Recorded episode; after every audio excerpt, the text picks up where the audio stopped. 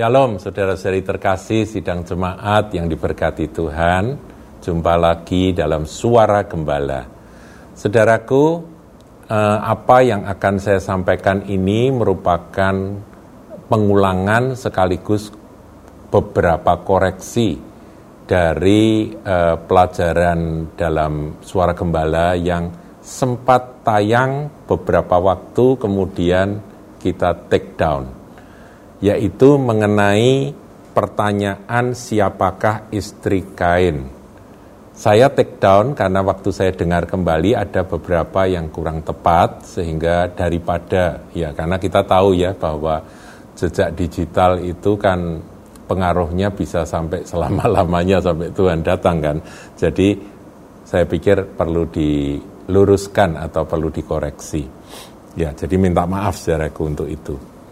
Masih topik yang sama yaitu siapakah istrinya Kain. Ini sebuah pertanyaan klasik yang sering diajukan ketika orang membaca kis, eh, kejadian kisah Kain dan Habil dalam kejadian pasal yang keempat. Ya, jadi kita akan tahu latar belakangnya. Latar belakangnya Adam dan Hawa diusir dari Taman Eden, kemudian mereka eh, tinggal di sebelah timur Taman Eden.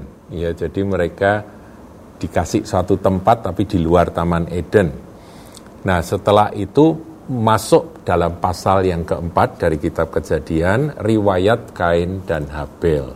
Saya bacakan ya saudaraku ayat 1 sampai ayat 3. Saudara simak baik-baik. Kemudian manusia itu bersetubuh dengan Hawa istrinya dan mengandunglah perempuan itu lalu melahirkan Kain. Maka kata perempuan itu, aku telah mendapat seorang anak laki-laki dengan pertolongan Tuhan. Jadi kita sepakat bahwa Kain adalah manusia pertama yang dilahirkan oleh pasangan Adam dan Hawa. Ayat 2, selanjutnya dilahirkannya lah Habil adik Kain dan Habil menjadi gembala kambing domba, Kain menjadi petani. Nah, kita tahu ya riwayatnya. Kemudian ayat 3 setelah beberapa waktu lamanya maka Kain mempersembahkan sebagian dari hasil tanah itu kepada Tuhan sebagai korban persembahan dan seterusnya. Dan Kain cemburu pada Habil karena persembahan Habil diterima oleh Tuhan dan persembahannya tidak diterima. Panas hati, sudah ditegur sama Tuhan, tapi dia uh, nekat melaksanakan apa yang menjadi rencana kejahatan di hatinya itu, akhirnya sang kakak membunuh adik. Nah, saudaraku, peristiwa ini e, menimbulkan asumsi bahwa ketika Kain membunuh Habil itu pada usia berapa? Kain itu membunuh Habil. Nah, kalau kita sekolah minggu bayangannya eh, karena ada ada ini ya gambar-gambar ya, ada ini apa ilustrasi sehingga kita membayangkan ya Kain masih pemuda, Habil juga masih pemuda, dua-duanya muda remaja begitu kira-kira saudara ya di sekitar usia 20 tahunan begitu terjadilah peristiwa itu. Dan tidak diceritakan apakah mereka punya adik-adik. Tapi kalau tidak diceritakan bukan berarti bahwa tidak ada adik-adiknya Kain dan Habil. Nah, saudaraku, kita akan lompat eh, ke ayat 10 dari pasal 4. Ini adalah hukuman yang diucapkan oleh Tuhan kepada Kain yang membunuh adiknya.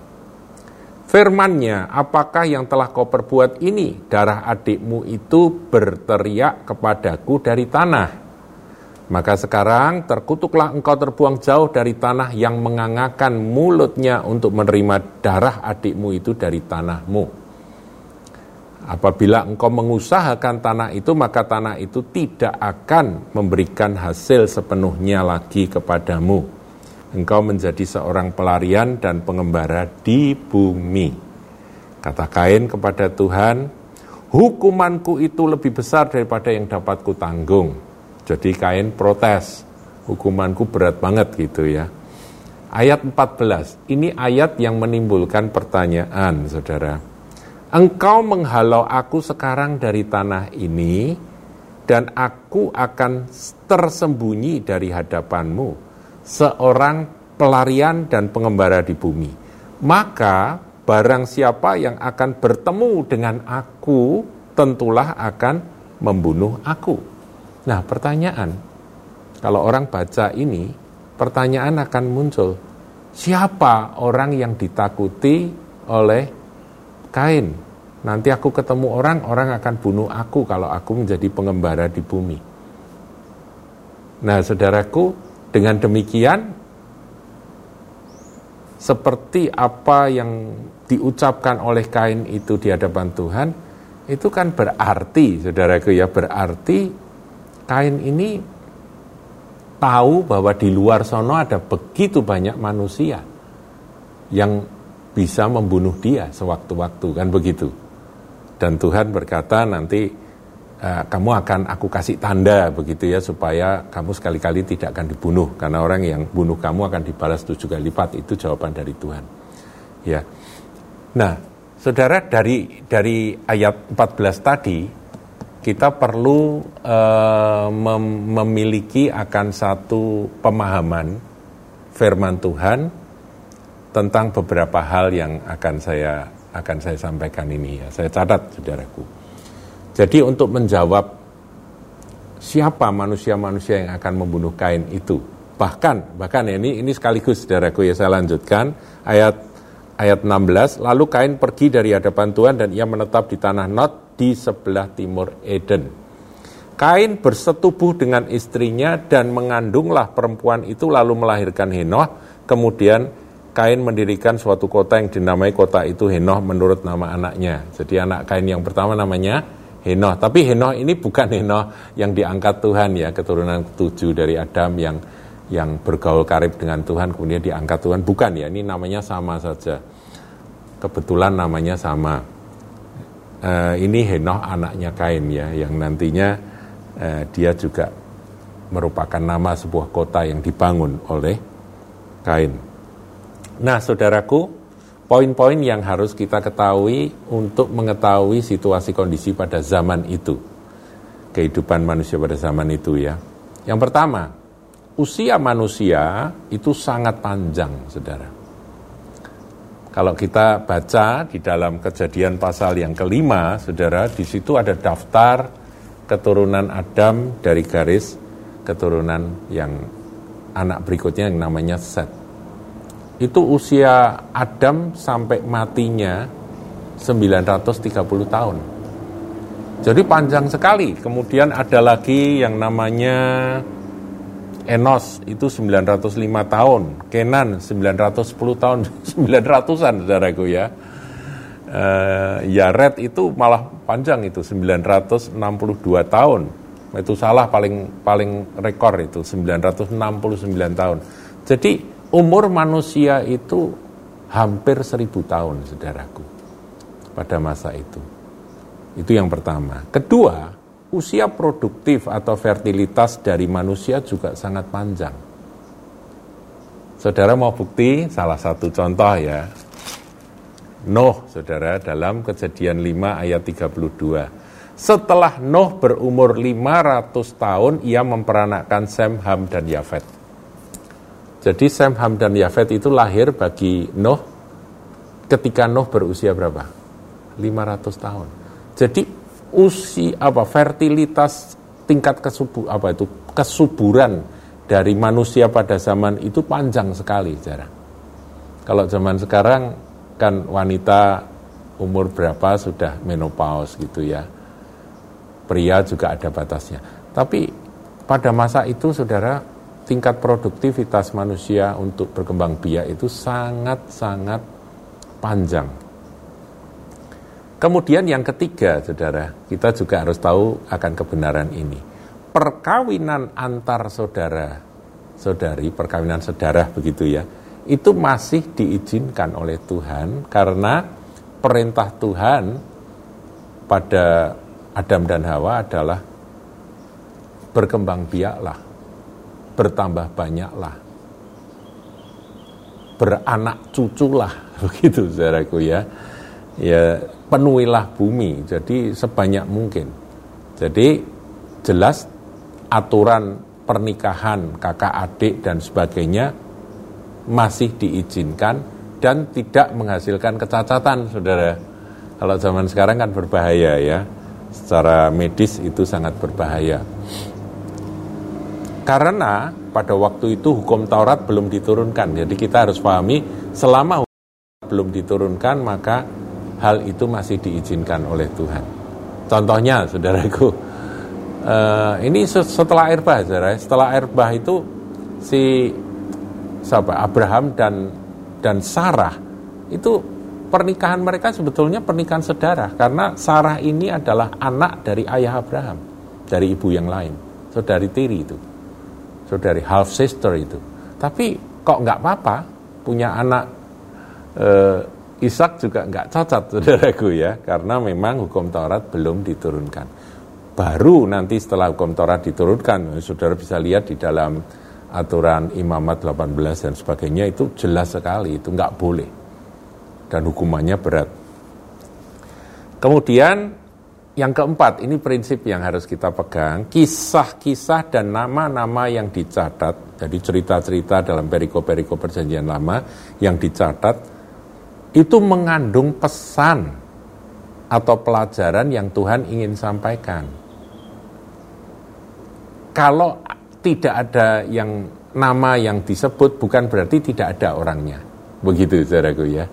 Jadi pesannya yang diutamakan. Jadi kisah Kain dan Habil pesannya apa? Pesannya adalah iri hati bisa membangkitkan kuasa dosa, kan kuasa dosa menguasai orang bisa menjadi pembunuh saudaranya. Begitu ya pesannya itu berbahaya sekali. Jadi kisah-kisah dan nama-nama yang catat itu mengandung pesan atau pelajaran yang Tuhan ingin sampaikan. Yang kelima, nanti kita akan masuk kisah kelahiran Set, saudaraku. Ya, kisah kelahiran Set. Ini kita akan lihat aja ya. Sebelum nanti kita menjawab siapa manusia-manusia yang ditakuti oleh Kain, nanti kalau aku pergi mereka akan bunuh aku, begitu. Itu siapa manusia-manusia itu pada waktu itu? Dan kemudian siapa yang jadi istrinya Kain, begitu, saudara. Coba kita lihat sekarang kejadian 4 ayat 25. Setelah kisah dari keturunan Kain diceritakan, kemudian kembali kepada Adam dan Hawa. Adam bersetubuh pula dengan istrinya, lalu perempuan itu melahirkan seorang anak laki-laki dan menamainya Seth. Sebab katanya Allah telah mengaruniakan kepadaku anak yang lain sebagai ganti Habil, sebab Kain telah membunuhnya. Nah, pertanyaan set ini lahir pada waktu usia Adam dan Hawa berapa, Saudara? 5 ayat 3, kejadian 5 ayat 3. Ya, kita harus uh, teliti, Saudaraku ya di sini. Setelah Adam hidup 130 tahun, ia memperanakkan seorang laki-laki menurut rupa dan gambarnya, lalu memberi nama Set kepadanya. Jadi Set itu lahir pada usia Adam, bapaknya, dan ibunya tentunya ya, 130 tahun. Ayah ibu 130 tahun, lahirlah Set. Pertanyaan, apakah selain Set tidak ada adik-adik dari Kain dan Habil? Nah ini yang yang harus uh, kita ketahui kalau tidak ada, saudaraku, maka siapakah orang yang menjadi istrinya Kain dan siapakah orang yang ditakuti oleh Kain, orang-orang yang nanti akan membunuh dia? Berarti ada orang-orang lain selain dari garis keturunan Adam dan Hawa, ya kan? Ada manusia-manusia lain. Dan teori itu memang dikembangkan karena logika ini, saudaraku ya. Mereka melihat bahwa pada waktu itu manusia hanya ada empat, kemudian ini Adam, Hawa, Kain, Habil, Habilnya dibunuh, kemudian manusia hanya ada tiga. Nah terus siapa itu yang dikhawatirkan oleh Kain nanti akan membunuh dia itu siapa? Kemudian siapakah istrinya Kain begitu ya? Nah kalau istrinya Kain nanti masih bisa dijawab. Tapi kalau siapakah yang membunuh ini Ini pertanyaan, karena pada waktu dihalau dia sudah takut, saudara. Nah, di sinilah kita harus melihat, seperti tadi saya katakan, bahwa kisah Kain dan Habel itu bukan berarti men menceritakan bahwa dunia pada waktu itu hanya ada empat orang. Tidak, saudara. Ada adik-adik mereka yang jumlahnya tidak tahu kita. Oleh sebab itu saya eh, sekarang saya berasumsi bahwa Kain dan Habil pada waktu peristiwa pembunuhan itu bukan mereka pada waktu muda remaja, saudara. Bisa jadi pembunuhan itu terjadi ketika usia Kain itu mungkin 90, mungkin 100 tahun, pokoknya di bawah 130 tahun. Sebab 130 tahun adalah saat Set dilahirkan. Nah, pada masa rentang waktu 130 tahun sampai lahirnya Set itu, itu bukan hanya Kain dan Habil yang dilahirkan bagi Adam dan Hawa, tetapi ada banyak manusia-manusia. Mengapa? Karena memang Alkitab dengan tegas mengatakan bahwa tidak ada manusia lain yang diciptakan oleh Allah pada waktu itu. Memang ada teori yang meyakini bahwa ada manusia-manusia lain yang lahir. Ya ada manusia-manusia lain yang eh, di, di apa diciptakan oleh Tuhan. Selain bukan lahir saudaraku ya diciptakan oleh Tuhan selain Adam dan Hawa itu menjawab saudara kalau begitu memang ada garis keturunan dari manusia yang lain atau Adam yang lain begitu ya itu ada teorinya ya tapi kita tidak mengikut teori itu karena kita berpegang pada firman Tuhan sebagai sumber kebenaran kita akan lihat jawabannya di kisah para rasul 17 ayat 26. Ini adalah khotbahnya Rasul Paulus di Urabi Roh Kudus. Dia menyampaikan ini di Athena. Ayat 26. Dari satu orang saja ia telah menjadikan semua bangsa dan umat manusia untuk mendiami seluruh muka bumi dan ia telah menentukan musim-musim bagi mereka dan batas-batas kediaman mereka. Nah, di sini clear, saudaraku. Kita sepakati bahwa manusia pertama ya Adam dan dari rusuk Adam Tuhan membangun perempuan yaitu Hawa. Jadi dari satu orang saja kan dikatakan begitu. Sampai seluruh bangsa ini ada. Ini peristiwa sebelum air bah, saudara. Nah, pada waktu itu Kain dan Habil memang diceritakan karena memang ada pesan yang Tuhan sampaikan melalui kisah itu. Ada pelajaran yang Tuhan ingin sampaikan. Sampai hari ini saudara pelajarannya. Tetapi bukankah 130 tahun sebelum lahirnya Set, itu selain Kain dan Habil ada begitu banyak anak-anak lain yang dilahirkan. Nah, rentang 100 30 tahun itu cukup panjang, saudaraku, panjang. Panjang sekali. Taruh kata Kain dan Habil pada waktu peristiwa pembunuhan, itu mereka masih muda, ya masih muda, ya berarti nggak mungkin, saudaraku, ketika ketika diusir sudah banyak orang itu nggak mungkin, ya kan? Pada waktu diusir, dihalau dari hadapan Tuhan itu, dari sebelah timurnya Eden, tempat mereka tinggal, kemudian dia ketakutan nanti ketemu orang akan dibunuh, berarti ada banyak orang sudah ada di mana-mana kan. Itu nggak mungkin. Jadi kemungkinan satu-satunya yang masuk akal yaitu Kain dan Habil usia pada waktu peristiwa pembunuhan itu sudah cukup sudah cukup saudara kalau sekarang sudah sangat tua tapi pada zaman itu dianggap muda saudaraku ya karena e, kalau 100 tahun kan berarti itu kalau usia manusia hampir seribu tahun berarti baru 10% dari hidupnya kan. Kalau sekarang usia orang berapa? 80 tahun, 10% dari hidupnya kan cuma 8 tahun, saudara masih kecil gitu ya. Jadi itu masih muda, masih gagah perkasa di usia 100 tahunan. Kain dan Habil pada waktu peristiwa pembunuhan itu. Kenapa saya memilih mengatakan bahwa usia Kain Habil itu 100 atau 90 tahun? Karena hal itulah satu-satunya yang masuk akal bahwa manusia cukup banyak dan sehingga Kain ketakutan kalau nanti ketemu dengan orang yang bisa membunuh dia. Nah, misalnya Kain Habil usianya 100 tahun ya, 100 dan 101 begitu ya, 100 dan 101. Nah, itu kan berarti berarti selama 100 tahun itu Adam dan Hawa juga melahirkan anak-anak laki-laki dan perempuan dan ingat bahwa pernikahan antar saudara itu masih diizinkan. Jadi terjadi kawin mawin di antara keturunan Adam itu dan terus beranak cucu dan sampai ke mana-mana. Siapakah istrinya Kain? Ya kemungkinan kalau nggak adiknya sendiri, ya anu saudaraku apa? Keponaannya, cucu keponaan atau siapa kita saya nggak tahu. Karena banyak manusia, sudah.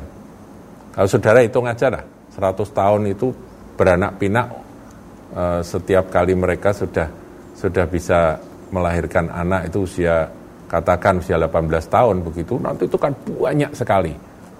Belum lagi kalau anaknya banyak. Belum lagi kalau uh, poligami saudaraku. Eh saudara tahu, tahu sendirilah. Saya kadang-kadang bayangkan kucing ya kalau di satu perumahan ya, itu satu ekor kucing dengan jantan dan kemudian ketemu betina begitu ya. Itu tidak butuh, tidak pakai lama, saudaraku. Dalam setahun tiba-tiba kampung kita sudah dipenuhi dengan kucing, saudara. saya, saya berpikir seperti itu, saudara. Jadi begitu cepatnya proses e, memenuhi bumi itu sesuai dengan perintah Tuhan. Nah, kemudian ada pertanyaan, kenapa kok yang diceritakan cuma set?